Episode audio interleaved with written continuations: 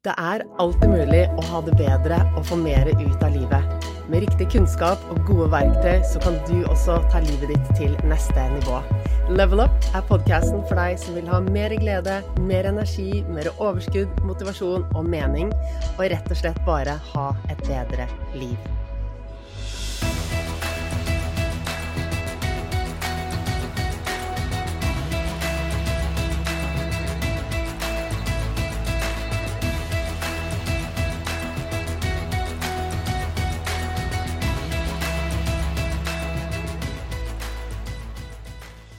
Visste du at tankesettet ditt faktisk avgjør hvordan du føler deg, hvordan du har det, hva du får ut av livet og hvilke resultater du får? Er ikke det helt magisk? Og hva er egentlig tankesett? Hvordan påvirker det deg? Og er det sånn at eh, du er født med ditt tankesett, og at eh, det er det tankesettet du har for evig og alltid? Eh, jeg tror du har hørt nok på denne podkasten til å vite at det ikke ikke er gitt. Altså, det du har i hodet ditt, det kan endre det utgangspunktet du har. Det kan vi endre. De vanene du har, de kan vi endre med mental trening. Det er jo derfor du er her, er det ikke det? For å lære hvordan du kan bli bedre, ha det bedre, få til mer, rett og slett bare optimalisere livet ditt. Så ja, hva er tankesett? Hva er kraften i tankesett? Hvordan jobber vi med tankene våre for at tankesettet vårt kan jobbe for oss istedenfor mot oss. Det her er noe av det som Tim Rudi og jeg dykker inn i i denne episoden. Tim Rudi jobber som mentaltrener, akkurat som meg, og er helt fantastisk. Så masse gull å komme med, så jeg regner med at du kommer til å like denne episoden her like mye som jeg elsket å prate med Tim Rudi. Hjertelig velkommen til Level Up, Tim Rudi. Det er så fint at du vil være med i dag. Tusen takk for at jeg fikk lov til å bli med. Det er veldig veldig kjekt å være Og så er det kult å møte deg, for det her er første gangen vi møtes sånn face to face. Eh, vi kaller det jo for live nå, selv om det er på skjerm, da. Ja, det, er også veldig kjekt. Jeg så satt og kjent på det. det er sånn, vi har jo nesten ikke vi, altså vi har ikke snakket sammen før, og nå er det sånn wow, endelig kan vi sitte her og prate. Og det å få lov til å connecte med noen andre som jobber med det samme som meg, som brenner mm. for de samme tingene, som sitter på så mye gull, det var bare sånn åh, nå gleder jeg meg. mm, det her blir gøy. Ja. Jeg er veldig spent til å høre hva du syns om det òg, jeg altså. Ja. Ja, ja, ja. Um, uh, helt klart. Vi uh, har masse, masse fint å snakke om. Du, uh, før vi går i gang med å dykke inn i fagnerdingen her, har du lyst til å gi en liten presentasjon av deg selv, sånn at lytterne kan få en liten bedre idé om hvem du er? Oh, det der syns jeg alltid er en sånn fin utfordring. Og så syns jeg alltid at den er litt vanskelig. Det er vanskelig så hvor henne skal vi starte henne? Og jeg, jeg tror jeg må, jeg må, begynne med å bare fortelle litt om hvorfor jeg gjør det jeg gjør. Sånn, vi gjør de samme tingene. Vi jobber med å hjelpe mennesker eh, aller mest med mentale prosesser. Og jeg har blitt stilt et spørsmål for et par år siden om når det begynte. Og jeg kunne se tilbake til, til, barndommen. Så var det sånn at når jeg har skjønt noe, så må jeg gi det fra meg. Så når jeg har lært noe, så brenner jeg etter å lære det vekk igjen. Og det er det. Når jeg setter beina i bakken og kjenner at jeg har energi på morgenen, så er det fordi jeg vet at jeg skal inn i noe der jeg får lov til å lære noe fra meg, som samtidig kan gjøre at andre vokser. Jeg er så utrolig opptatt av å gi fra meg noe som skaper merverdi. Og det gjør jeg gjennom å formidle. Jeg holder foredrag. Gjør det gjennom å fasilitere teamprosesser og få mennesker til å fungere godt sammen. Og så gjør jeg det gjennom Heart Mentality, som jeg har sammen med Anja Hammersingen Din og Marius Sørli. Og litt sånn, den, den litt sånn tørre CV-biten, så har jeg jobbet nei, Når jeg regner på det, totalt 13 år i Forsvaret. Uh, med ulike former for roller. Derifra har jeg vært patruljemedlem i Kystjegerkommandoen og skarpskytter. Jobbet som instruktør i mange år og utdannet både spesialister og ledere i Forsvaret. Og de siste 13 årene, jeg er på det 14. året nå, så har jeg jobbet med næringslivet jobbet med HR-prosesser, organisasjonsprosesser, det å få folk til å fungere godt sammen. Og de siste to årene så har jeg hatt mitt eget selskap, så jeg har stått på mine egne bein og fått lov til å være meg sjøl i møte med verden. Eh, og det har vært veldig, veldig spennende. Og så sitter jeg i Trondheim. Her har jeg et uh, sett med tvillinger. Hanna og Noah på ni år. Så jeg er gift med Kristin. Og så har vi en hund som heter Billy. Herlig. Du, uh, nå har jeg lest boken din, så jeg har jo liksom hørt litt om bakgrunnen din. Og, um, men det biter meg merke, er det det du starter med å si, da, at det er sånn OK, det du har lært, det du har kjent effekten av på kroppen og på hodet og på livet ditt, det må bare ut. Det er en sånn bare en trang eller en plikt eller bare en sånn drivkraft som bare det er det som får deg til å stå opp om morgenen, og det du virkelig brenner for, å få denne kunnskapen ut. Mm. Ja, det er, det er, helt sant. Og det er, det er kanskje noe av det viktigste, det å få lov til å bidra. Når, altså, hvor gammel var du da du bare plutselig ble oppmerksom på at det her er det som jeg skal gjøre, jeg skal bare bidra, hjelpe, dele? Jeg skal bare gi deg et liten pause der. For når jeg ser på din linje, så ser ja. jeg at den gir utslag på lyden. Men jeg ser ikke det på min. Å oh, ja. Den, den, lyden er uh, Den ser fin ut. Jeg gjør det, ja. Mm. Jeg kjente at jeg ble litt varm på dine vegne her. For det, når du pratet, så så jeg at det ga utslag, og så var min helt flat. Ja. Nei, jeg ser at det, det er utslag på den her. Ok, herlig. så, så Nei, det går bra.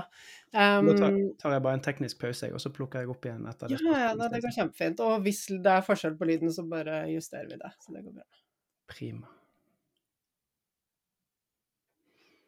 Jeg tror jeg var Men så tidligst jeg kan huske, jeg tror jeg var i syv-åtteårsalderen. Der og, det, og det, er sånn, det er vanskelig å få tak på akkurat de konkrete minnene, men det jeg har med meg, det at når jeg har skjønt noe, når jeg har syntes noe har vært gøy, eller jeg har likt noe, så har jeg så lyst til at du òg skal synes at det er gøy å like det. Og så har det her blitt til over årene, så nå er jeg 40, da. Det har blitt til ferdigheter. Det har blitt til at jeg har lyst til å gi vekk ferdigheter, eller jeg har lyst til å gi vekk mentale prosesser, eller jeg har lyst til å gi vekk verktøy for at du kan leve bedre liv, et mer balansert liv, få mer ut av deg sjøl. Men med den spede begynnelse så handlet det bare om at hvis jeg syntes en leke var kult, så ville jeg at du òg skulle synes at den leken var kul. Ah, elsker det. Og det er jo en sånn Det er en ustoppelig drivkraft. Så når du mm. kombinerer det med at du har lyst til å dele det du eh, kan eller har, eh, mm. med all den kunnskapen som du tilegner deg da gjennom de årene hvor du begynte å jobbe med mindset, altså det er jo en, eh, en uslåelig kombo. mm. Veldig spennende. Du, jeg eh, har jo dykket ned i boken din som du sendte meg. Den var jo så fin. Um, det Ingen lærte meg mindset. Og jeg ga den jo til sønnen min. Han er 13. Ja. Og jeg eh, Altså, jeg, jeg, må jo si at da jeg fikk han, så hadde jeg et ganske begrenset tankesett. Jeg var veldig sånn Hang meg opp i alt som var negativt og irriterende. Og jeg var ikke den beste versjonen av meg selv. Og i tillegg så kan du jo se for deg at eh, du vet jo hvordan det er å ha små barn, og mm. han kom til verden, og jeg jobbet 200% mannen min jobbet mye, vi pusset opp liksom to hus fra bunnen av på kort tid. Eh, hadde altfor mye å gjøre, sov ingenting. Eh, nummer to kom ganske tett på. Så i tillegg til at jeg fra før av hadde et tankesett som var ganske begrenset, så ble jo mm. alt dette bare sånn det ble maksimert da, i den negative retningen fordi jeg ikke hadde overskudd, og fordi jeg ikke sov. Og jeg ser at uh, mange av de mine gamle mønstre henger igjen hos han. Mm.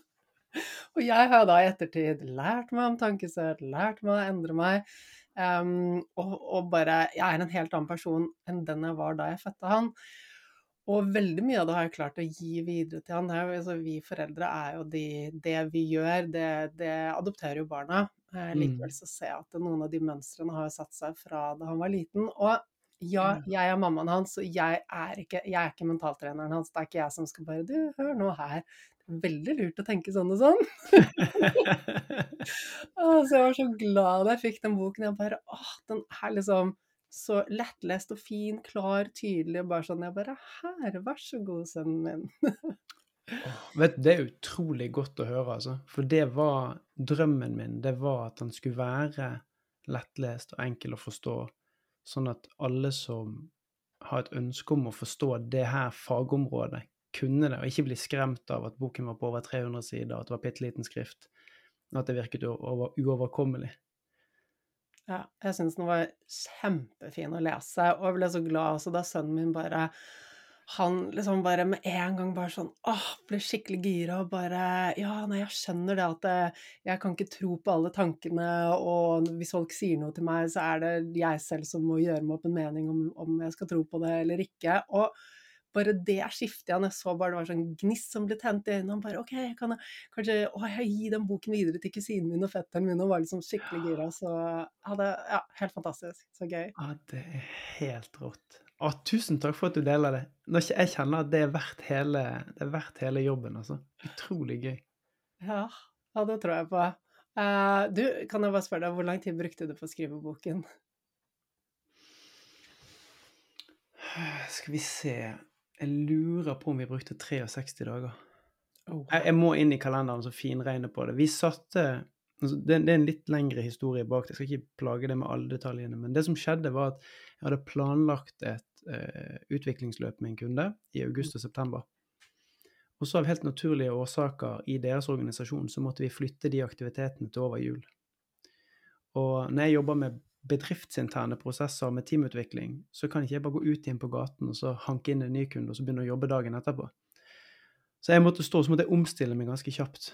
Og tre dager før så hadde jeg snakket med Anja og Marius om at kanskje jeg skulle vurdere å skrive en bok om mindset. Og så sto jeg der, og så hadde jeg fått 46 dager i gave. Så da var det bare sånn OK, toget går igjen i oktober. Vi har frem til oktober. Vi setter i gang. Og så sprakk det målet der, men det var gøy å liksom ha med seg det tallet 46. Og så Vet du, nå har jeg litt sånn, nå, nå kjenner jeg at rullegardinen går litt ned i forhold til eller når den boken kom ut. Boken kom vel ut i starten på november, og vi begynte på den i midten av august.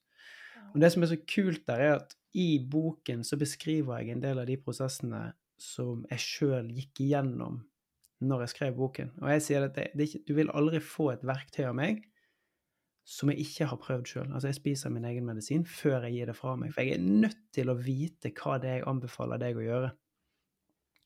Og veldig mange av de tingene fikk jeg lov til å teste i den prosessen. Vi eide jo hele verdikjeden. Ifra det å skrive boken, det å sette opp manus, til å finne en avtale med et trykkeri, få et designbyrå til å lage, bygge boken. Sånn, det òg er jo en ting. De lager jo faktisk én og én side, sånn at alt passer sånn som det skal. Eh, og, og, og, det å lære seg å gjøre det underveis, og få hjelp av en redaktør og konen min Kristin hun var første eh, editor. Og så Maria Bukneberg, som er forfatter, tok rollen som liksom, andre redaktør og reiv og sleit i det. Og vi fikk det i mål da fra midten av august til eh, 1. november begynte vi å sende ut boken. Og da var 2000 kopier ferdigprintet og klar. Ja, så imponert. Ja, det er gøy, altså. Oh, wow. Eh. Oh. Ja, altså jeg har skrevet bok, jeg begynte i februar, og den ble sendt til designer nå, og vi er i januar. Så nesten et år. Ja. Eh, jeg har ikke kun skrevet bok, jeg har gjort veldig mye annen jobb innimellom. Jeg brukt en arm, operert nakken, det, det har vært en del sånne skjær i sjøen. Så, men eh, det er en krevende prosess. ja, og så tenker jeg at det kommer veldig an på hvilken bok du skal skrive. For mm. denne boken Jeg har jobbet med med mitt eget tankesett og blitt kjent med det her fagfeltet over 20 år. Så mye av boken hadde jeg inni meg. Og det som mange eh, tror, er at det å skrive bok, det betyr at du må sitte og skrive for hånd hvert eneste ord. Men når vi ga oss sjøl den korte tidsfristen, så ga vi oss muligheten til å liksom 10x-e målet. Så vi måtte tenke annerledes. Vi kunne ikke bruke strategier som vi før hadde kunnet. Så vi brukte transkribering, Eh, når jeg sto fast, så intervjuet Marius meg. Så vi transkriberte teksten fra intervjuene. Vi brukte ChatGPT til å reinskrive det. Og da hadde jeg da min stemme, og så hadde jeg en stamme rundt det, og så kunne jeg begynne å redigere. Og da går det mye fortere når tankene allerede er i hodet. Så kult. Ja, jeg syns det er kjempegøy elsker at det bare OK, jeg har et mål, jeg har liksom, Dette er tiden jeg har disponibelt, hvordan får jeg det til å funke? Mm. Tenker utenfor boksen og, og jobber på en, eh, på en, annen måte enn det man kanskje tradisjonelt ville tenkt. Yes. Oh, wow. Og så er det en ting som jeg, jeg syns er viktig, da, når det kommer til dette her med mindset, det er jo det at når vi sammenligner oss sjøl, så skaper vi en veldig stor grad av usikkerhet. Og jeg snakka litt om det i boken, om hvordan jeg i oppveksten sammenlignet meg veldig, snakket meg sjøl ned. Sant? Det kan du kanskje kjenne deg igjen i, at i det øyeblikket du ser over skulderen og ser på sidemannen. Og det som var fascinerende, var at midt i skriveprosessen så ville jeg hente inspirasjon. Da hadde jeg satt meg litt fast, og så tenkte jeg sånn åh, nå trenger jeg noe litt sånn friske inntrykk. Så jeg gikk bort til bokhyllen min, og så tok jeg ut uh, boken til Bjørn Mannsverk, og så tok jeg ut Anja sin, og så tok jeg ut uh, fire-fem ulike bøker. Øystein sin. Og så lent, satt jeg på gulvet, så begynte jeg å bla i de. Men istedenfor å bli inspirert, hva ble jeg da? Ja, jeg ble... tenker at du ble kanskje litt misunnelig eller sjalu. Og livredd. Ja. Jeg ble livredd. Å, herre fred, tenkte jeg. Det, disse bøkene er jo kjempebra. Mm. Så jeg fikk jo skrivesperre i et helt døgn. For jeg ville jo ikke skrive, for jeg var jo livredd for at det skulle bli dårlig. Mm. Og det er jo det som er så gøy med tankesett, og jeg vet ikke om du kjenner deg igjen i det med at det er en ekstremt dynamisk prosess. Sånn vi kan ikke bare etablere at nå har jeg et tankesett som er lærende, og som er nysgjerrig, og som er vekstorientert, og så er det sånn for alltid. Alle disse ulike nyansene og impuls, impulsene påvirker oss. Så jeg satt i Jeg husker ikke hvor lenge det var. Det var over et døgn. Og bare ville ikke skrive. Fordi at jeg så på de bøkene. Til slutt måtte jeg bare flytte den haugen, og så måtte jeg bare ta de vekk, og så måtte jeg nullstille. Og så måtte jeg flytte fokuset mitt igjen, da og liksom starte å jobbe innifra. Litt sånn som når du forteller om sønnen din, så var det et av de bildene som jeg hadde. Liksom det bidraget. Hvis boken bare kan hjelpe ett menneske mm. i å forstå at vi er ikke tankene våre, mm. Eller du er ikke verdien av dine resultater, verken gode eller dårlige, da er det godt nok. Da er jeg fornøyd. Ah, men du, altså, jeg elsker at du deler så ærlig, for det er litt sånn Jeg vet jo at de som følger deg og følger meg, er litt sånn OK, når jeg bare eh, liksom blir som Team Rudi, eller om jeg blir som Anniken, da er jeg perfekt. Da takler jeg alt, og aldri tvil, og liksom Jeg, jeg tror veldig mange har en sånn tankegang om at eh, de, det må være Når de begynner på denne mentale reisen, så må de bare eh, en, sluttresultatet skal være en sånn perfekt balansert utgave hvor det aldri er liksom, noen negative tanker eller tvil i hodet. Og det er ikke sant. Altså styrken i å jobbe mentalt, som du sier, det er en dynamisk prosess. Det, det er jo rett og slett det at ok, vi kommer til å gå ned i disse kaninhullene. Mm. Hvor fort kommer vi oss opp igjen? Hvordan møter vi det? Hvordan prosesserer vi og møter oss selv og våre egne tanker? Det er jo der styrken ligger. Ja. Det, akkurat det du sier der, det syns jeg det er jeg mest opptatt av. Vi kaller det for rebound-tiden. Mm. Tiden fra du ramler ut, til du er tilbake igjen. For vi vet at vi kommer til å ramle ut. Sånn er det bare. Hvis du etablerer det som en sannhet med en gang. Og jeg skal være såpass ærlig, jeg skal dele en ting med deg. Når jeg var ute og gikk tur med hunden nå i sted, så skal jeg forberede meg litt sånn Bare preppe meg litt mentalt til vi skal snakke sammen. Og så er det en liten del av meg som begynner sånn Anniken har jo 30 000 følgere på Instagram. Du har bare 1500. Herregud, hvorfor skal hun gidde å høre på deg? Og så begynner den lille stemmen. Men så har jo jeg lært meg at når den stemmen kommer, så kan jeg bare se på den, så kan jeg smile. Og så må jeg re reframe den. Jeg må bounce tilbake. Og så må jeg tenke herregud, hvor heldig jeg er. Sånn at Anniken har holdt på med dette i mange flere år enn meg på internett. Og hun har fått en stemme som hun bruker på en utrolig fin måte. Og jeg er sinnssykt takknemlig for at jeg får lov til å være med og snakke fag sammen med hun. Sånn, jeg er Oi. Takknemlig for at jeg får lov til å være med. Den var Siri som hadde lyst til å bli med. Når jeg koblet på takknemligheten, så bouncet det tilbake. Ja. Og da kunne jeg gå inn her. Jeg var helt rolig, og jeg gledet meg til vi skulle starte. Men hvis mitt fokus og mitt perspektiv hadde blitt hengende på du har gjort dette i så mange år mer enn meg, og du har så mange flere følgere enn meg, og jeg er mindre i denne verden, så hadde jeg gått inn her med kanskje litt nerver. Kanskje jeg hadde vært usikker. Hmm. Og, og, det å akseptere at den følelsen kommer i første omgang, det er på en måte steg én. Og så handler det om å smile litt av det og reframe det. Ah, du, tusen takk for at du deler. Det her er så verdifullt. Um, ja, altså bare takk for at du deler de tankeprosessene dine. Takk for alle de fine ordene du sa der. Og, Og akkurat dette med at ok, det skjer med oss alle. Vi, Mm. det er bare noe vi trenger å ta med i regnskapet. Og når det skjer, så sier du så fint ja, du aksepterer, og Mm. så jobber du med å endre fokuset. Og det jeg ser veldig mange gjør, er at det bare Å nei, jeg skulle jo være sånn god på mental trening, så sånne tanker skulle jo ikke skje. Og når de dukker opp, så begynner de å, å kritisere seg selv for at de er der, ikke sant. Det er den derre perfeksjonisten som er sånn Men jeg må jo være en perfekt versjon av meg selv. Og da er jeg ikke like bra hvis den tvilen dukker opp, og hvis disse negative tankene dukker opp, og så blir man sittende fast i det hullet. Så at vi bare liksom legger det ut her og nå. Mm. Alle har disse tvilstankene. Alle sammenligner seg. Det er, vi er designet for å sammenligne oss. Vi skal gjøre det. Mm. Det er hjernen vår som skal holde oss trygg ved å drive og sammenligne oss. Så det kommer til å skje, og vi kommer til å kjenne på redsel, frykt for å feile. Vi kommer til å kjenne på at uh, vi er misunnelige eller selv. Alle de tingene dukker opp. Det er helt greit. Men hvordan møter vi det? Mm. Der ligger nøkkelen. Mm. Og hvor lenge står vi i det? Og, så, og hvor mye, mye hus får det lov til å ta i oss? Ja. Jeg, jeg har jo skrevet denne boken fordi at Det, no, det begynner å bli en god del år siden, men, men jeg har lyst til å liksom kreditere Anja for dette. Hun har stilt meg dette spørsmålet mange, mange, mange ganger, og hun sa Hva er det du ikke kan forlate jorden sånn, uten å ha gitt fra deg?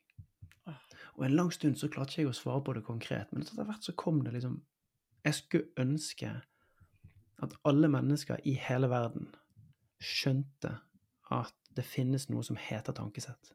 At det er noe som heter mindset. At du er ikke tankene dine. At du kan skape avstand til tankene dine. At du kan bli en observatør av tankene dine. Fordi at de tankene vi tenker, de påvirker de valgene vi tar. Og de valgene vi tar, setter oss i situasjoner. Og situasjonene påvirker følelsene vi får.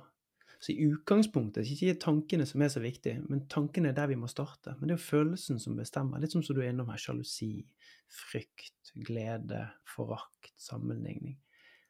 Og det å bli kjent med både tankene og hva det gjør med oss, det syns jeg er utrolig, utrolig viktig. Og jeg, jeg tenker at det her, det her kunne veldig fort vært allmennkunnskap. Det, det, det er ikke mange timene gjennom et år du kunne snakket med barn om dette fra første til første til Hva går de til nå? Tolvte klasse? Oi, Nå sto det helt stille. Jeg ble litt usikker selv, jeg. Uh, skal vi se, du har 8., 9., 10. 8., 9., 10. er ungdomstrinnet, og så er det tre år med videregående etter det. 13 år med skole. Der sto det helt stille hos begge to. Men, men poenget er at la oss si at du hadde tatt tre timer hver år, da, hvert år Ja. og bare snakket om dette. Og det viser også forskningen at bare av at du lytter på denne podkasten, blir bevisst at det er noe som heter tankesett, at noen av de tar deg ned, noen av de tar deg opp, så vil du øke jeg lurer på om det var rundt med 50% av situasjonen du står i, og være mer reflektert. Vi trenger bare å lytte til at noen snakker om det gjennom en podkast eller et foredrag eller et webinar, så endrer vi oss. Det syns jeg er utrolig inspirerende. Ja, det er helt fantastisk. Det er de små teskjeene. Få det inn litt her, litt der, litt der. Og bare holde det frisk ved minnet, fordi det er klart at uh, i hverdagen så er det så mye annet som fokuset vårt lett trekkes til. Men om vi med jevne mellomrom fyller på med ah, det er noe som heter tankesett, jeg kan velge Mm. selv, så vil det ta mer og mer bolig i oss. Mm. Ah, det er så viktig. Men du, eh, jeg har snakket mye om tankesett før på denne podkasten også, men jeg tror jeg aldri har gitt en sånn god forklaring av hva er egentlig tankesett? Ja, og jeg har blitt utfordret på å snakke om definisjonen av tankesett. Og det må jeg faktisk være så ærlig. Det er jeg ikke god på å gjengi definisjoner, men jeg kan si hvordan jeg forstår det. Og i første omgang så handler det om at tankesettet, det er de teoriene som vi har om oss sjøl på innsiden. Kommer veldig ofte til uttrykk i faktasetninger. Og de er litt sånn bastant. Sånn 'jeg er ikke', 'jeg er aldri', 'jeg er alltid'. Veldig sånn konkluderende. Og, og tankesett er det mentale rammeverket vi ser verden igjennom. Mm. Ja, det kan høres litt sånn avansert ut når jeg sier det, men, men la oss se for deg at du har et sett med briller. Og de brillene, de, de, Der er tankene dine en del av hvordan du ser verden. Og hvis du har en måte, for eksempel eh, Hvis det er naturlig for deg når, du, når, når noe galt skjer, at du plasserer skylden på andre, så har du et sett med briller som er tillært at når noe galt skjer, skjer så må jeg lete etter hvem sin skyld det er, og så må jeg plassere den.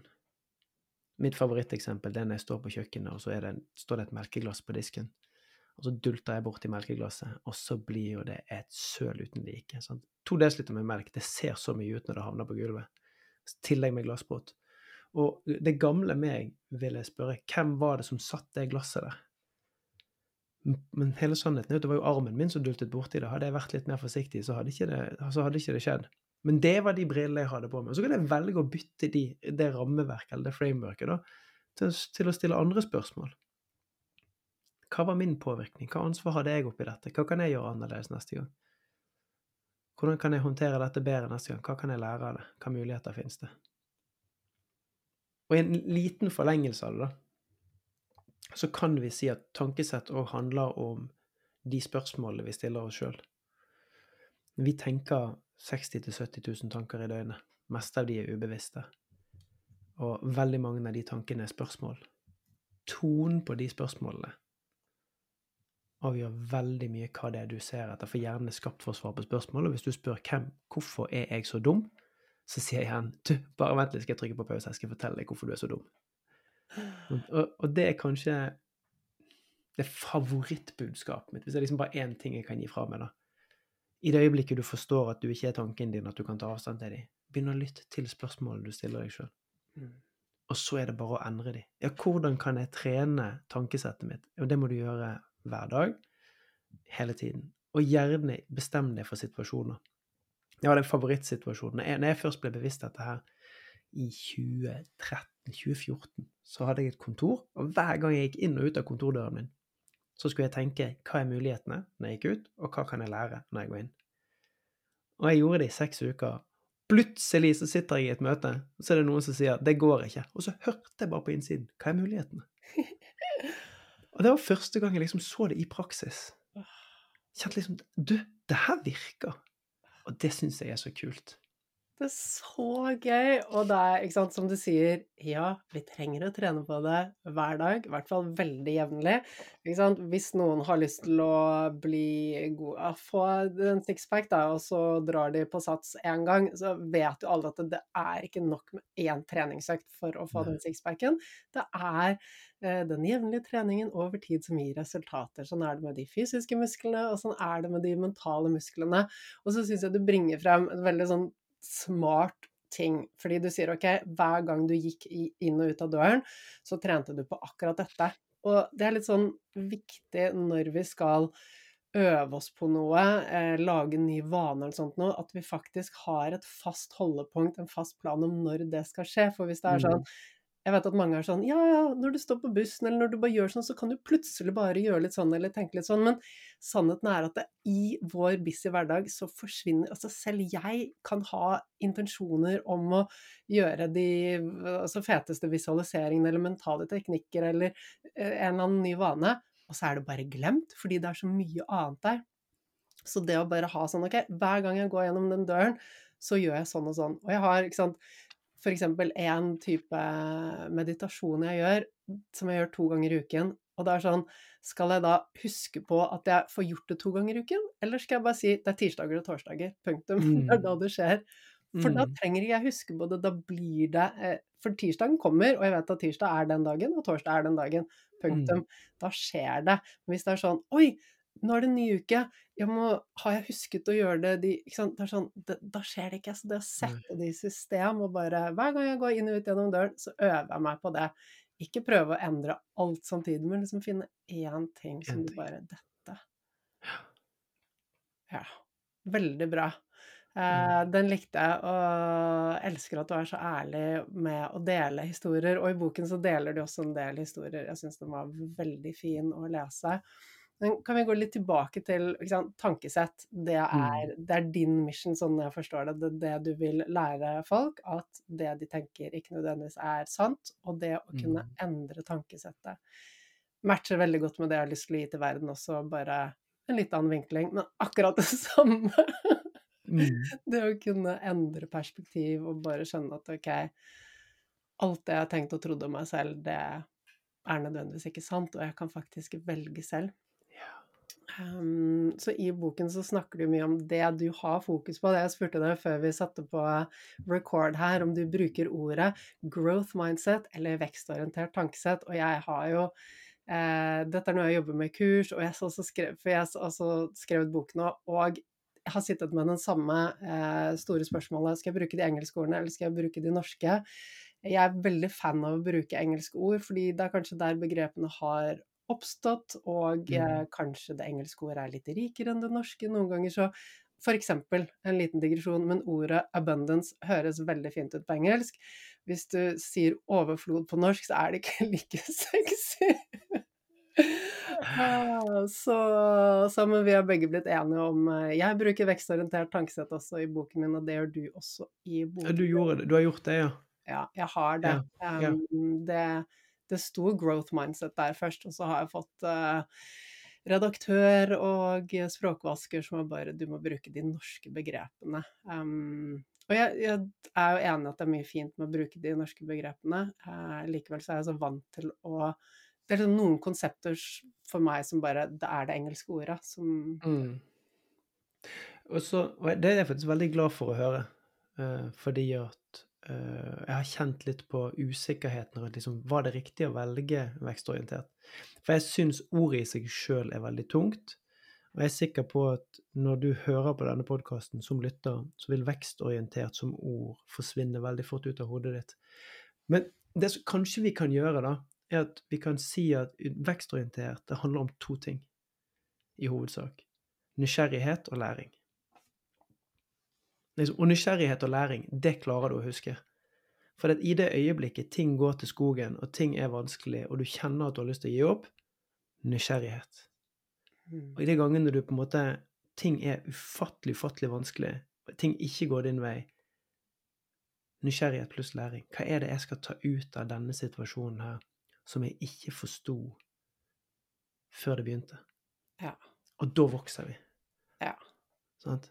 Det, og det er kanskje de tingene som er mer gaven jeg tenker er, blir viktig å gi fra seg. da. Vi er så heldige at vi forstår det, vi er så heldige at vi har fått lov til å øve på det lenge, og får lov til å hjelpe andre med det. Se for deg et samfunn der alle er opptatt av nysgjerrighet og læring. Åh, fantastisk. Ja, det, det er helt vilt. Altså, det er så mange symptomer på et dysfunksjonelt samfunn som bare forsvinner Mm. fordi at når noe skjer, så er det Og det, det betyr fravær av dømming. Ja. Ingen merkelapper. Mm. Ingenting. Mm. Altså det Og jeg vet at det er en utopisk tilstand å drømme seg inn i, men min passion og min power kommer av at jeg tror helt oppriktig at når vi to kan snakke om det sånn som vi gjør nå, og vi kan gi det fra oss, så kan vi endre én og én og én og én. Og på et eller annet tidspunkt så sitter de rundt middagsbordet, og så sitter det en ungdom der og en foreldre der og sier Du, har du hørt om Kan vi heller diskutere dette her med nysgjerrighet og læring? Sånn, den fotballkampen som du spilte i går. Og jeg skjønner at du liksom har lyst til å dømme deg sjøl eller de andre, eller, eller han som sparket deg ned flere ganger i kampen, men, men hva er nysgjerrige? Hva tror du grunnen til at han gjorde det, var? Istedenfor at du kaller han for en idiot. Og plutselig så kommer svarene. Ja, men kanskje fordi at jeg er litt raskere enn han. For han syntes det var vanskelig å ta fra meg ballen, så måtte han takle meg. Ja. Da gir du deg kraften igjen, og så blir det finere å bare sitte og tenke på det. Mm. Det har jeg veldig tro på. Åh, musikk i mine ører. Altså, jeg er helt enig. Kraften i å få ut det her, og den effekten det har når ballen bare ruller videre og ruller videre og ruller videre. Eh, hvis alle mennesker i verden hadde klart å se seg selv og verden mm, ut ifra et vekstorientert tankesett, så hadde vi jo ikke hatt krig og all den elendigheten vi har nå. Vi hadde jo ikke det. Eh, og du sier at ok, kanskje det er utopisk, og jeg er også litt sånn som deg, bare ja, men vi må bare fortsette å være naive og jobbe på for at dette blir en virkelighet. Og Jeg tenker at det er en av grunnene til at vi holder så fast i altså, Nå har vi snakket om vekstorientert tankesett, og det motsatte er jo at det er et fastlåst tankesett hvor det er enten-eller. Enten så er jeg flink, eller så er jeg ikke verdifull eller dårlig. Mm. Um, og grunnen til at vi ser så svart-hvitt på tingene, henger jo sammen med lav selvfølelse. Det er jo rett og slett en beskyttelsesmekanisme. Jeg hadde da jeg Altså hele barne- og ungdomstiden min kjempelav selvfølelse, kjempelav selvtillit. Og i mitt hode så var jeg enten fett flink, eller så var jeg ikke flink. Og hvis jeg ikke var flink, så var jeg ikke verdifull heller. Mm. Um, så alt for meg handlet om å på en måte jeg hadde ingen formening om at uh, du kanskje trenger å øve deg for å bli bedre i noe. Det var sånn ok, hvis jeg ikke mestrer eller er flink i noe, så holder jeg meg langt unna. Bare det å spille brettspill da jeg var liten, var sånn å nei, jeg er redd for å tape, jeg er redd for å feile. Så da, mm. da liker jeg ikke å spille. Jeg, har du sett den studien som kom ut på slutten av 90-tallet? Du, vet du hva, jeg hadde lyst til å spørre deg om den, for jeg har ikke sett den, men du refererte til den i boken. Kan ikke du fortelle ja, og, den? Og, og den, uh, den, ble gjort oppmerksom på av Andrew Huberman. Han har for øvrig en eller to podkastepisoder på Mindset som går veldig sånn teknisk inn i det. Som jeg anbefaler de, de, de, som hører på, hvis de har lyst til å gå enda mer i dybden på det. Men han refererer til den her, og, og den, den syns jeg var så viktig, for den, den forklarer litt hvorfor vi nå er jo jeg barn av 80-tallet, men spesielt barn av slutten av 80-tallet og 90-tallet ser verden sånn som de gjør. For det at i 96-97 så spurte de en gruppe, ganske stor gruppe med amerikanske foreldre om de trodde at barna var født med gitte forutsetninger, eller om de kunne skapes gjennom livet. Og 85% svarte at de mente at barn var født med gitte forutsetninger for å mestre ting gjennom livet. Og bare for å forklare det, det betyr at da er de født med fikserte eh, ferdigheter. Det er sånn. Dette ligger til deg. Fotball ligger til deg, Anniken. Håndball ligger til meg. Sånn er det. Du må ikke prøve deg på det andre, for det ligger ikke til deg. Og når det var overbevisningen deres, så sier det òg noe om hva de stimulerte i feedback. For det er jo det som er det interessante her, at det tankesettet som meg og deg hadde, hører at vi har delt det tankesettet som barn. Det kommer da mest sannsynlig av at våre foreldre ga oss tilbakemelding når vi var flinke, punktum, og på sluttresultatet. Og det er helt i orden. Vi kan ikke på en måte kappe hånda di for det, for de visste ikke bedre da, og det, de trodde at de gjorde det og var snill, men det de installerte i oss, det var en tanke om at dette ligger ikke for meg, dette ligger for meg, så det som ikke ligger for meg, det holder jeg meg unna. Og, og det er jo det her Dette er kanskje dimensjon nummer to, da. Hvis vi skal legge på ett ønske til om hva verden skal forstå, liksom belønn innsatsen som gjøres, uavhengig av resultatet. Ja. Altså bare, bare, og det er så vrient for oss, spesielt voksne. Når vi skal lære denne pedagogiske tilnærmingen og gjøre det overfor barn, så sitter det veldig langt inne. Da er det så lett for å si ja, bra, Kristoffer. Ja, nå var du flink, Knut. Kjempebra, Kristine. Punktum det å så klare å si at det jeg syns var bra nå, var at du holdt balansen. Eller nå, nå, bruker du kroppen din til å snu deg rundt. Eller nå ser jeg at du er godt konsentrert. Det er en øvingssak. Og jeg skulle ønske at Eller jeg tror faktisk, skal jeg være helt ærlig, så tror jeg vi er på vei til å eh, bryte en sånn generasjonspåvirkning. Der våre foreldre ikke visste bedre, men vi begynner å bli mer opplyste. Uh, og at det begynner å bli mer fokus på hvordan stimulerer vi barna våre, og at det snakkes mer om. Så der er jeg faktisk ganske positiv. Det er bra. og det, jeg tenker at eh, det du og jeg gjør, og alle de andre fantastiske menneskene du jobber med, det er jo med på å bidra i den retningen. Um, og det er som du sier, ikke sant, alle gjør jo bare så godt de kan, og når vi ikke kan noe bedre, så kan vi ikke gjøre noe bedre. Eh, da, jeg, da mine barn var bitte små, som jeg fortalte deg, så kunne ikke jeg noen ting om tankesett. Og jeg var også den som sa 'Å, så flink du er når du har tegnet yeah. en fin tegning', eller når du sto på ski, eller ikke sant, når barna gjorde et eller annet, så var jeg sånn 'Å, så flink du er'. Og det har vært utrolig utfordrende å avlære meg med den som er den derre impulsen som bare kommer, og bare 'Å, så flink du er'. Og for barna, da, så er jo det de første leveårene så er jo vi foreldre er jo Gud, allmektig for barna, og det viktigste for barna er at eh, de får oppmerksomhet eh, fra oss, for de skal vite at de hører til, at de er verdifulle, Mm. eh, at vi vil ha de inn i flokken, at vi kan være der og ta vare på det. Så barn vil jo automatisk liksom vise seg frem til foreldrene for å få litt feedback. Er dette bra?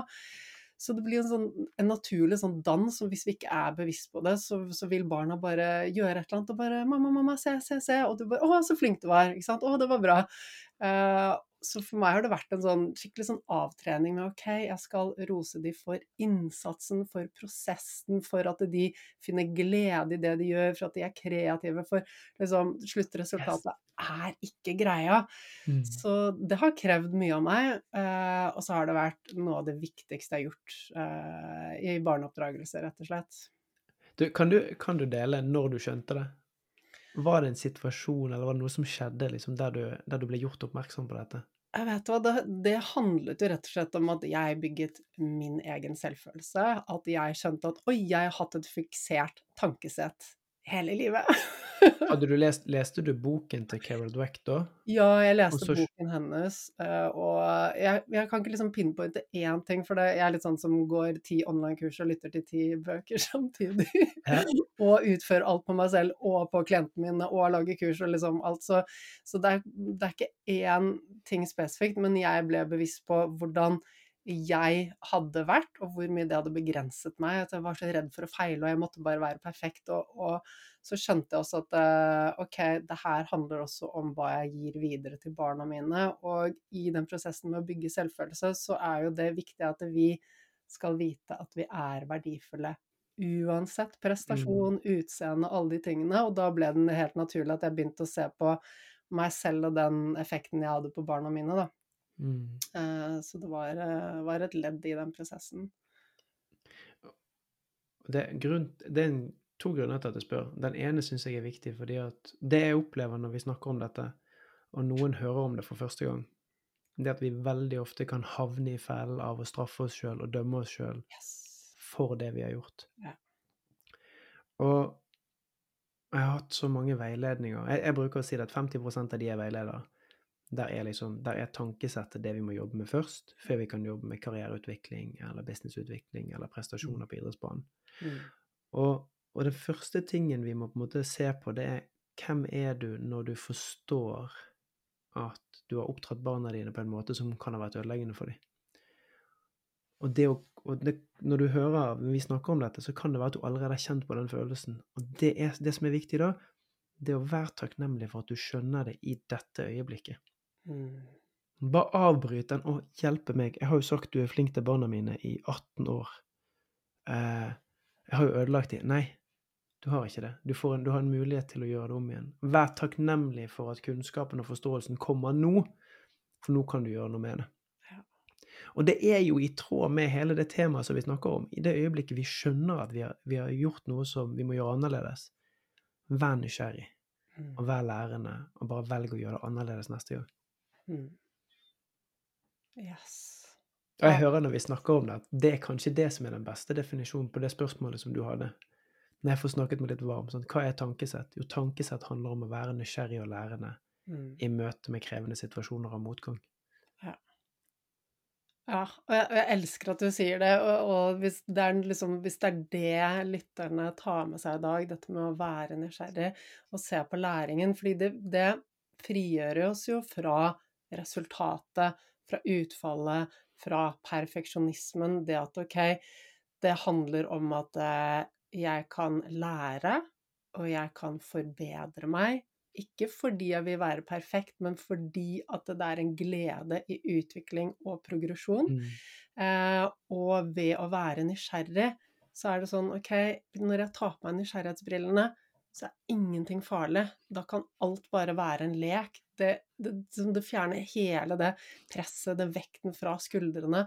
Og vi legger så mye i utfallet. Og det, så før vi eh, logget oss på her i dag, så hadde jeg også en coaching session inn i medlemskapet mitt. Og igjen tilbake til det samme igjen og igjen. Det er Mhm. sånn OK, et mål som noen vil jobbe mot, og så er det frykten for ja, hva hvis jeg ikke får det til, ikke sant? Mm. Og det er den vi, vi legger så mye vekt på utfallet i forhold til at vi er redd for at vi selv skal bli skuffet, at vi ikke skal være perfekte nok. Det er bare en beskyttelsesmekanisme i forhold til hva andre tenker.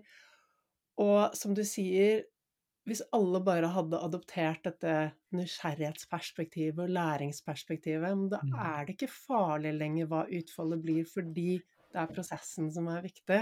Mm. Åh, deilig å Altså snakke med deg. Jo, og så tror jeg sånn helt oppriktig at når når vi hvis vi får snakket nok om det, så gir det mening hos alle. Ja. Du jeg du kan forsøke å sette deg ned og så si: "Nei, jeg er ikke enig. Jeg syns ikke vi skal være nysgjerrige og lære det." Altså, det det jeg har ikke hørt noen si det. De har kanskje sagt: "OK, jeg forstår ikke helt", eller "Jeg syns det er vanskelig å gjøre det, og jeg er så vant til å lete etter tingene som kan som er en trussel for meg." Det er helt i orden. Men det resonnerer for alle. Så da handler det egentlig bare om å begynne å gjøre det. Mm. Begynne Ja. å velge å være en som går ut i verden og og ikke er dømmende. Ja. Og som du sier, så kan vi ikke få snudd alle stenene på en gang. Det handler om liksom å starte ett sted. Og jeg liker jo Mm. en historie jeg har fortalt flere ganger, er at jeg, jeg trodde virkelig Jeg hadde bygget masse selvfølelse, jeg hadde jobbet masse med mitt vekstorienterte tankesett, være nysgjerrig, fokus på prosess, læring. Og så var vi det er noen år siden nå, vi var på Maui og, og surfet, jeg med familien, og så kom mannen min Han vet jo at jeg elsker læring og utvikling, det er det beste jeg vet, så han kom med sånn overraskelse en dag. Han bare 'Surprise! Jeg har booket tre timer med en surfeinstruktør til deg'.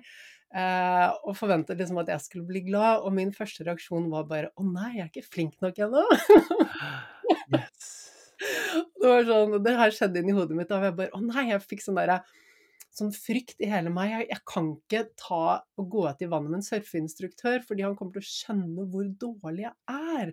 Jeg må yeah. være bedre før jeg kan gjøre det. Og så ble jeg litt sånn Og da, da hadde jeg kommet dit hvor jeg OK, nå tar jeg på meg nysgjerrighetsbrillene. Det her var veldig spennende. Det er et gammelt mønster, helt Mm. naturlig. Det er hjernen som skal beskytte oss, helt, helt naturlig.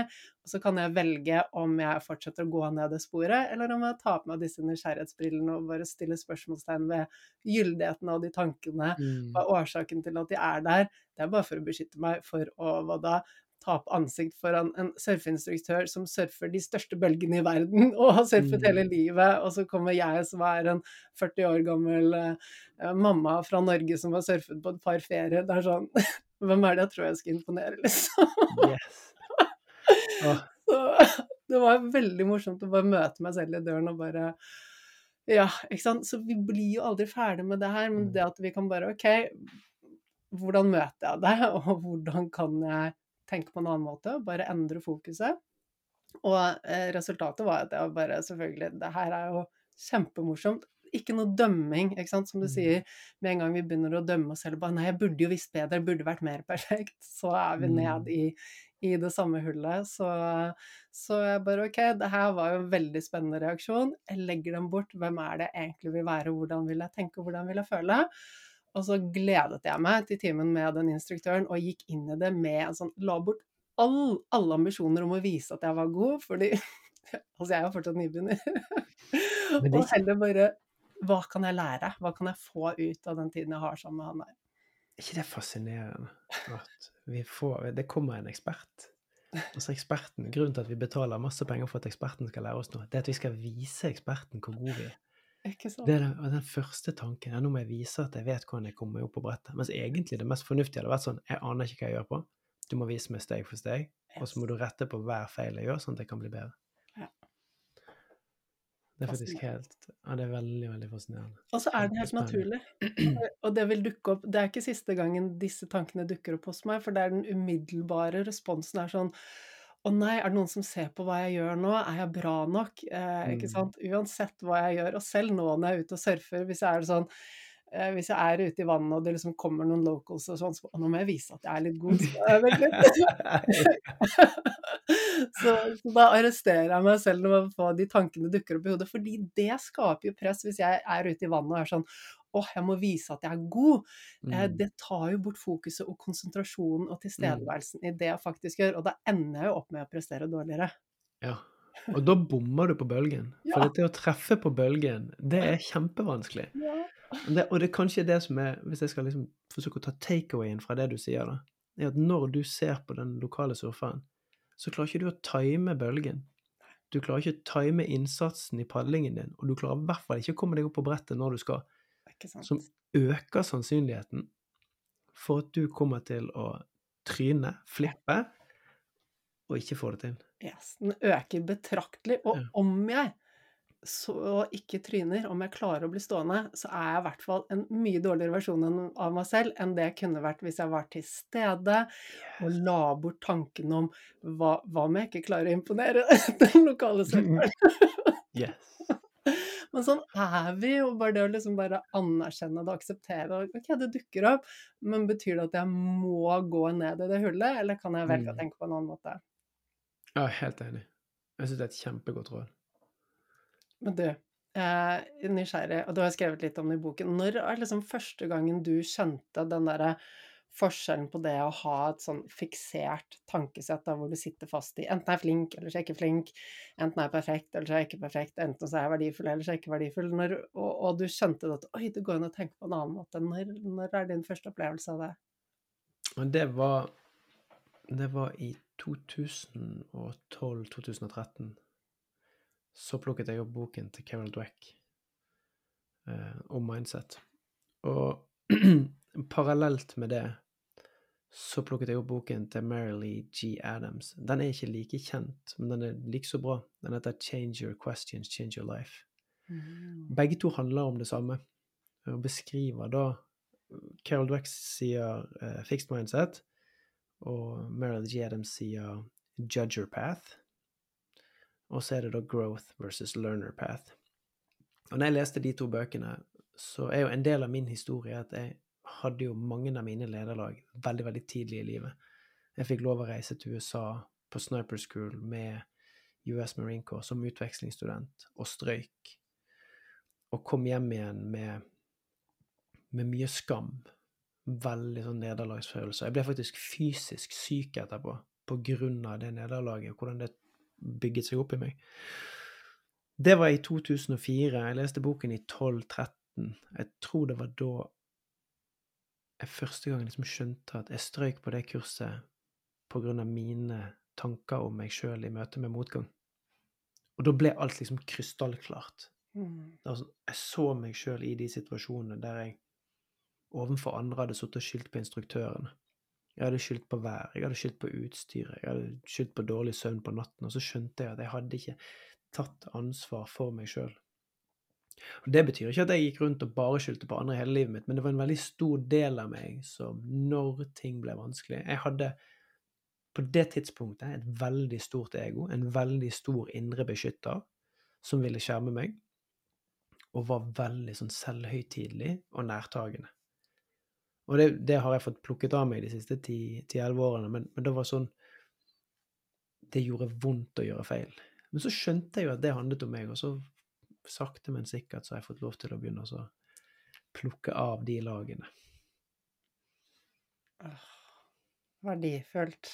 Og Mm. jeg tror jo det er um, Det er klart at uh, vi er jo har ulik personlighet og oppvekst, og det er mange ting som påvirker oss, ikke sant. Oppdragerstil og sånn vil jo påvirke hvorvidt vi har et behov for å være perfekt eller flink, og, og, og selvfølelsen og alt det vil jo påvirke hvor mye vi enten sitter fast i et sånn fiksert tankesett, eller har um, har et mer vekstorientert tankesett. Eh, men uansett så tror jeg at alle har noe å vinne på å begynne å øve seg på Mm. litt mer eh, Jeg pleier å si et konstruktivt tankesett, da. Um, som åpner opp for muligheter. Ja. Um, det tror jeg. Hva tror du? Jeg tror det er en sånn arbeidshypotese, en sånn tanke som jeg har hatt med meg. Det er at hvis vi sier at alle mennesker blir påvirket både i positiv og i negativ retning i en del av formingsårene Hvis vi bare sier at fra vi er null til vi er tolv, så er det ting i omgivelsene våre som påvirker måten vi tenker om oss sjøl på, måten vi tenker om omgivelsene på. Og halvparten er bra, halvparten er dårlig. Så er det her nyttig kunnskap, for når vi skjønner dette, så kan vi observere hverandre. Og når vi da har strategier som ikke er hensiktsmessige for oss Ja, men, ja, men Anniken, hvorfor unngår du å gå ut og surfe når det er de perfekte bølgene, og det er litt flere Og så kan ikke du ha sett det før. Nei, vet du, du, sannheten er at jeg har ikke lyst til å ut og surfe når de lokale er der. OK, men hvor kommer det fra? Nei, jeg er litt redd for at de skal synes at jeg er teit. At det ser OK. Og og hvis vi bare sier at alle har det, og at vi trenger ikke plassere skyld, for dette handler ikke bare om mamma og pappa eller naboen eller skolen eller idrettslaget eller trenerne. Det, det, det, bare skjer. Det kan skje mens du står ute på gaten, og så hopper du hoppetau, og så bommer du, og så er det en som flirer når han går forbi. Så kan det gjøre en påvirkning på deg. Bare at vi nå forstår det, så vet vi òg at det finnes masse spennende verktøy der vi kan være nysgjerrige sammen med å stille oppfølgingsspørsmål. OK, jeg skjønner at du syns det er litt skummelt å spille denne kampen, eller jeg skjønner at du kjenner at det kniper litt i magen. Men hvor kommer det fra? Og jo lengre vi står i de refleksjonsspørsmålene, jo mer klarhet får vi, og sammen så Så det er sånn som vi har sagt flere ganger i dag, det kommer til å skje, men hvem vi er når det skjer, avgjør veldig hvordan vi har det. Og jeg tror dette henger veldig mye sammen med, med mange andre ting i samfunnet, da. Mm. Jeg har hatt mange spennende diskusjoner med Siri Abrahamsen, som, som jobber med gleding. Ja, og hun er så fin. Ja, hun er helt fantastisk dyktig og helt nydelig. Og så, og så kan vi leke oss litt med tanken om Hvis alle barna i verden hadde forstått nysgjerrighet og læring, hadde det da vært behov for tiltak mot mobbing, som, som gleding er? Sånn, så, så, det er vanskelig å si hvor henne starta det her hjulet. Mm. Men jeg tror i hvert fall at min fakkel inn i det her toget, da, det blir å snakke om mindset til mm til folk kommer til meg og sier du, nå er det faktisk nok. Nå er vi dritlei. Nå har vi hørt, nå har du snakket om det så lenge. Vi skjønner det.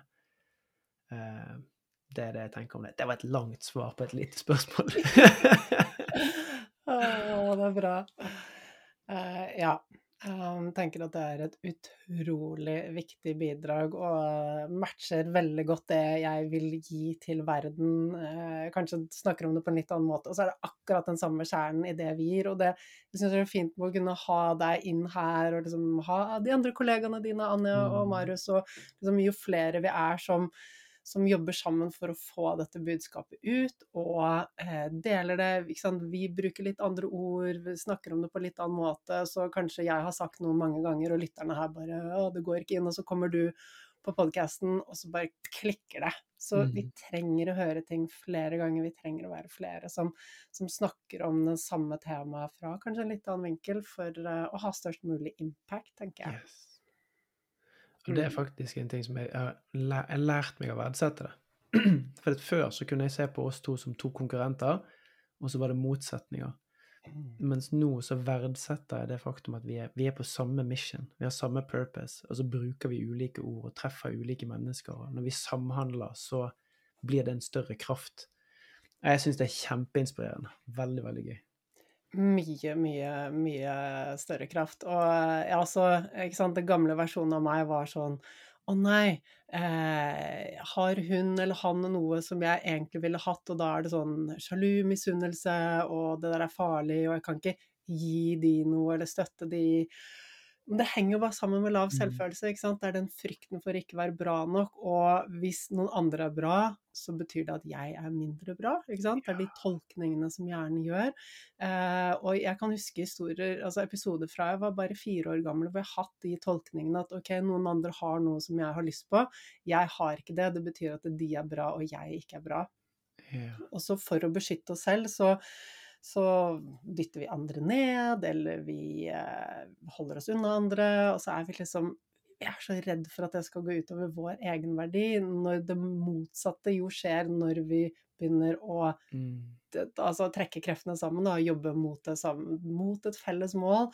Um, og du er helt klart drevet ut fra den endringen du vil ha i verden. Og jeg er også drevet ut fra den endringen jeg vil ha i verden. Og jeg vet at alene så kommer vi mye kortere enn om vi gjør dette sammen. mm. ah. Så, ja. Veldig fint at vi kan, um, vi kan møtes og samarbeide og løfte disse tingene opp og frem, og det er det eneste riktige. Og jeg ser jo liksom innen den online-businessen som vi da jobber, ikke sant, så er det Før så var det veldig mye mer sånn konkurranse og kan ikke kan ikke støtte andre. Og da Mm. jeg kom inn i det, var jeg sånn Jeg har alltid hatt en sånn der Vet du hva, vi, vi må bare jobbe sammen for å, for å få til ting. Så jeg har liksom gjort mitt for å Altså hver gang jeg møter på en gründer, noen andre som vil liksom lære mer om denne businessen, så er jeg alltid på tilbudssiden, fordi vi vinner bare på at flere sterke stemmer kommer ut der og, og deler dette.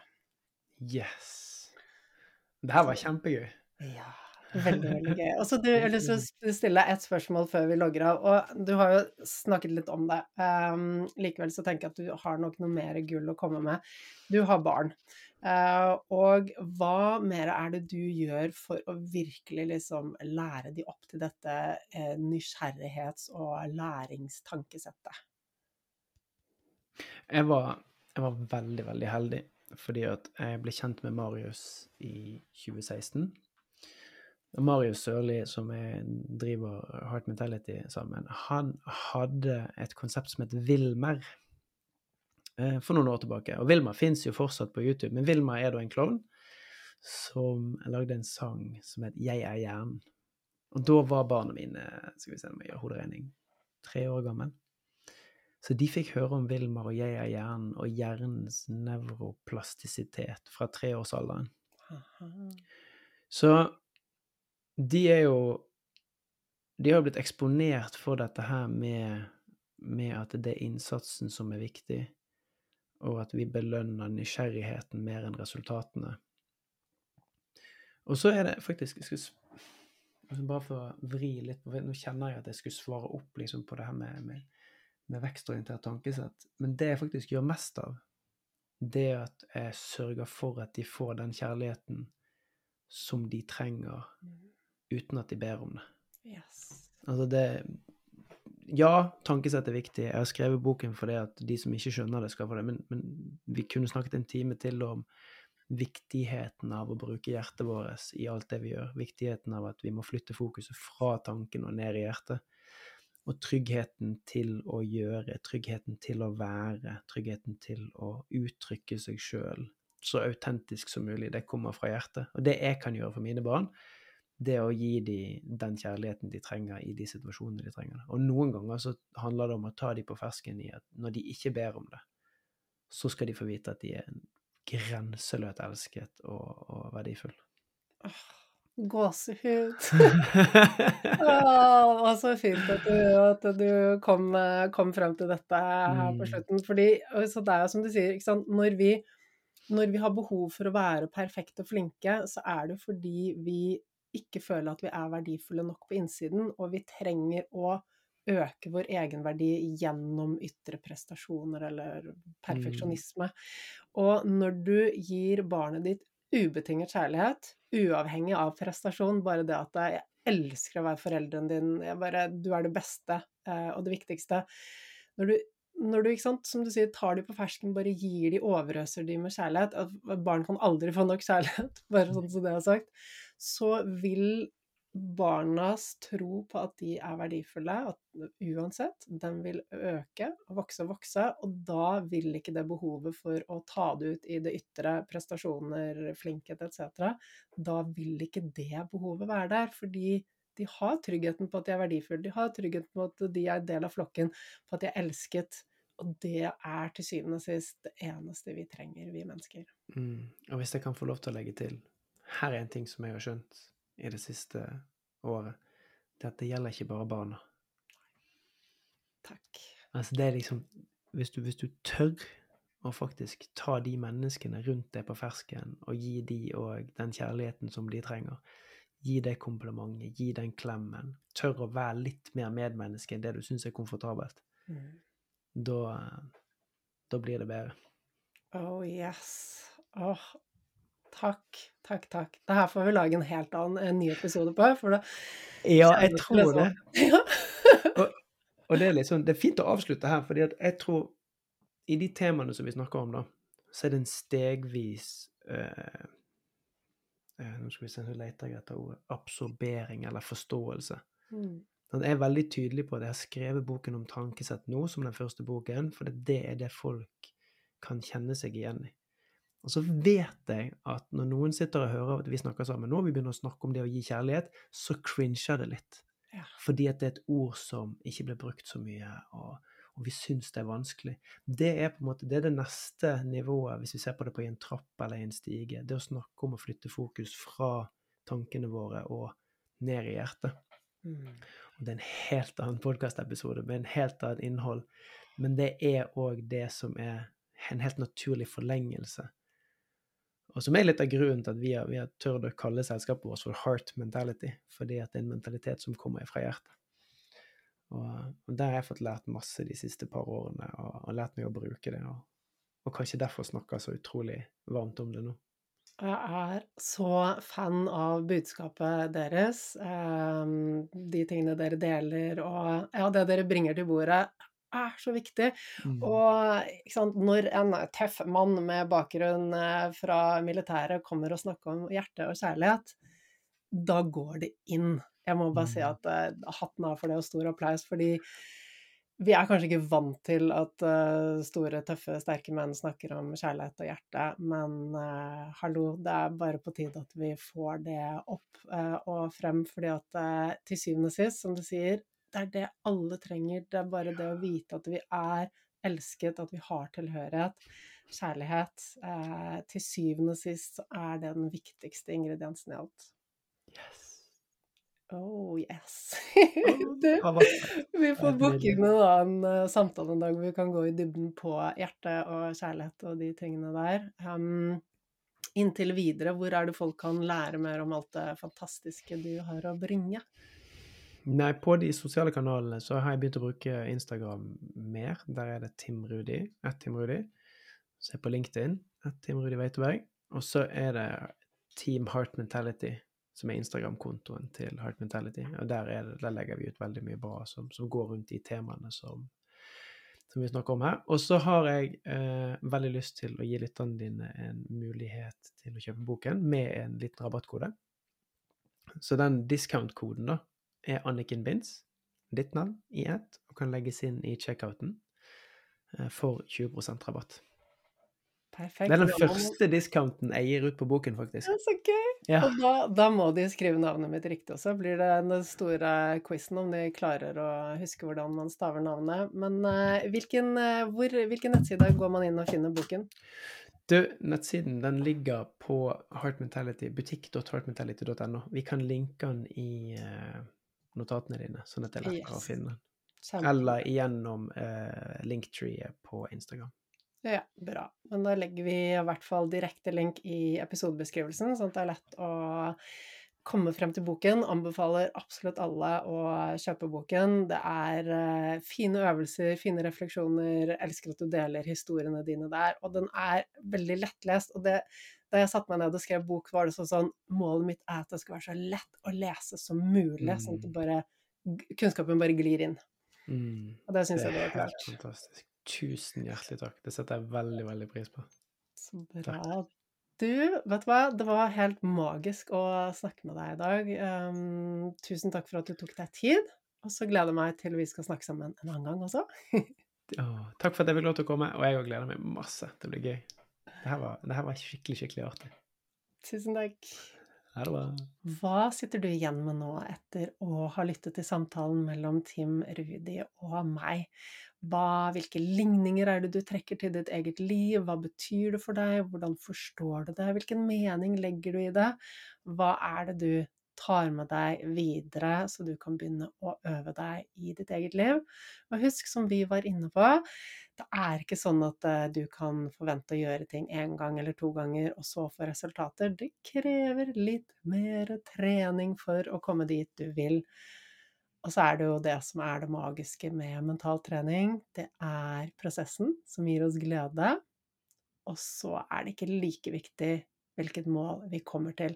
Når vi frigjør oss fra uh, tanken om at vi må være perfekte eller på en viss måte eller komme til et dit mål, når vi frigjør oss fra den tilknytningen til målet, det er først da vi virkelig kan bli fri i hodet vårt, og først da vi virkelig kan begynne å leke oss med dette vekstorienterte tankesettet, må ta på oss briller hvor vi ser på ting ut fra et lærings- og nysgjerrighetsperspektiv. Og så er det jo når vi begynner å leke oss med dette lærings- og nysgjerrighetsperspektivet, at vi klarer å fri oss fra utfallet også. Så hva er høna, hva er egget? Alt henger sammen når vi jobber med det mentale her. Så uansett hvilken side du jobber inn fra for å forbedre deg selv, så kommer du videre. Og ett steg om gangen. Du får ikke gjort alt samtidig velge én ting som du skal ha fokus på. Så hva er den tingen du skal ha fokus på? Hva sitter du igjen med etter denne episoden her? Du vet at jeg er nysgjerrig, så del det gjerne med meg. Tagg Tim Rudi og meg på sosiale medier når du lytter til episoden. Del med oss hva du sitter igjen med, hva det betyr for deg, hvordan du skal bruke det videre på jobb eller hjemme, med deg selv, dine egne prosjekter. Eh, det er så gøy å høre fra deg og kunne ta del i utviklingen din. Så ikke glem å få med deg um, boken til Tim Rudi. Finn han på sosiale medier, følg han der. Og få med deg alt det andre fantastiske han og kollegaene hans, Anja og Marius, deler. De er altså så magiske. For en gjeng. Og du, igjen, takk for at du lytter til podkasten, for at du abonnerer og laster ned episodene. For hver gang du laster ned og abonnerer, så hjelper det oss til å få spredd budskapet til enda flere. Så tusen, tusen takk for det. Og du, da gleder jeg meg til å se deg igjen neste uke.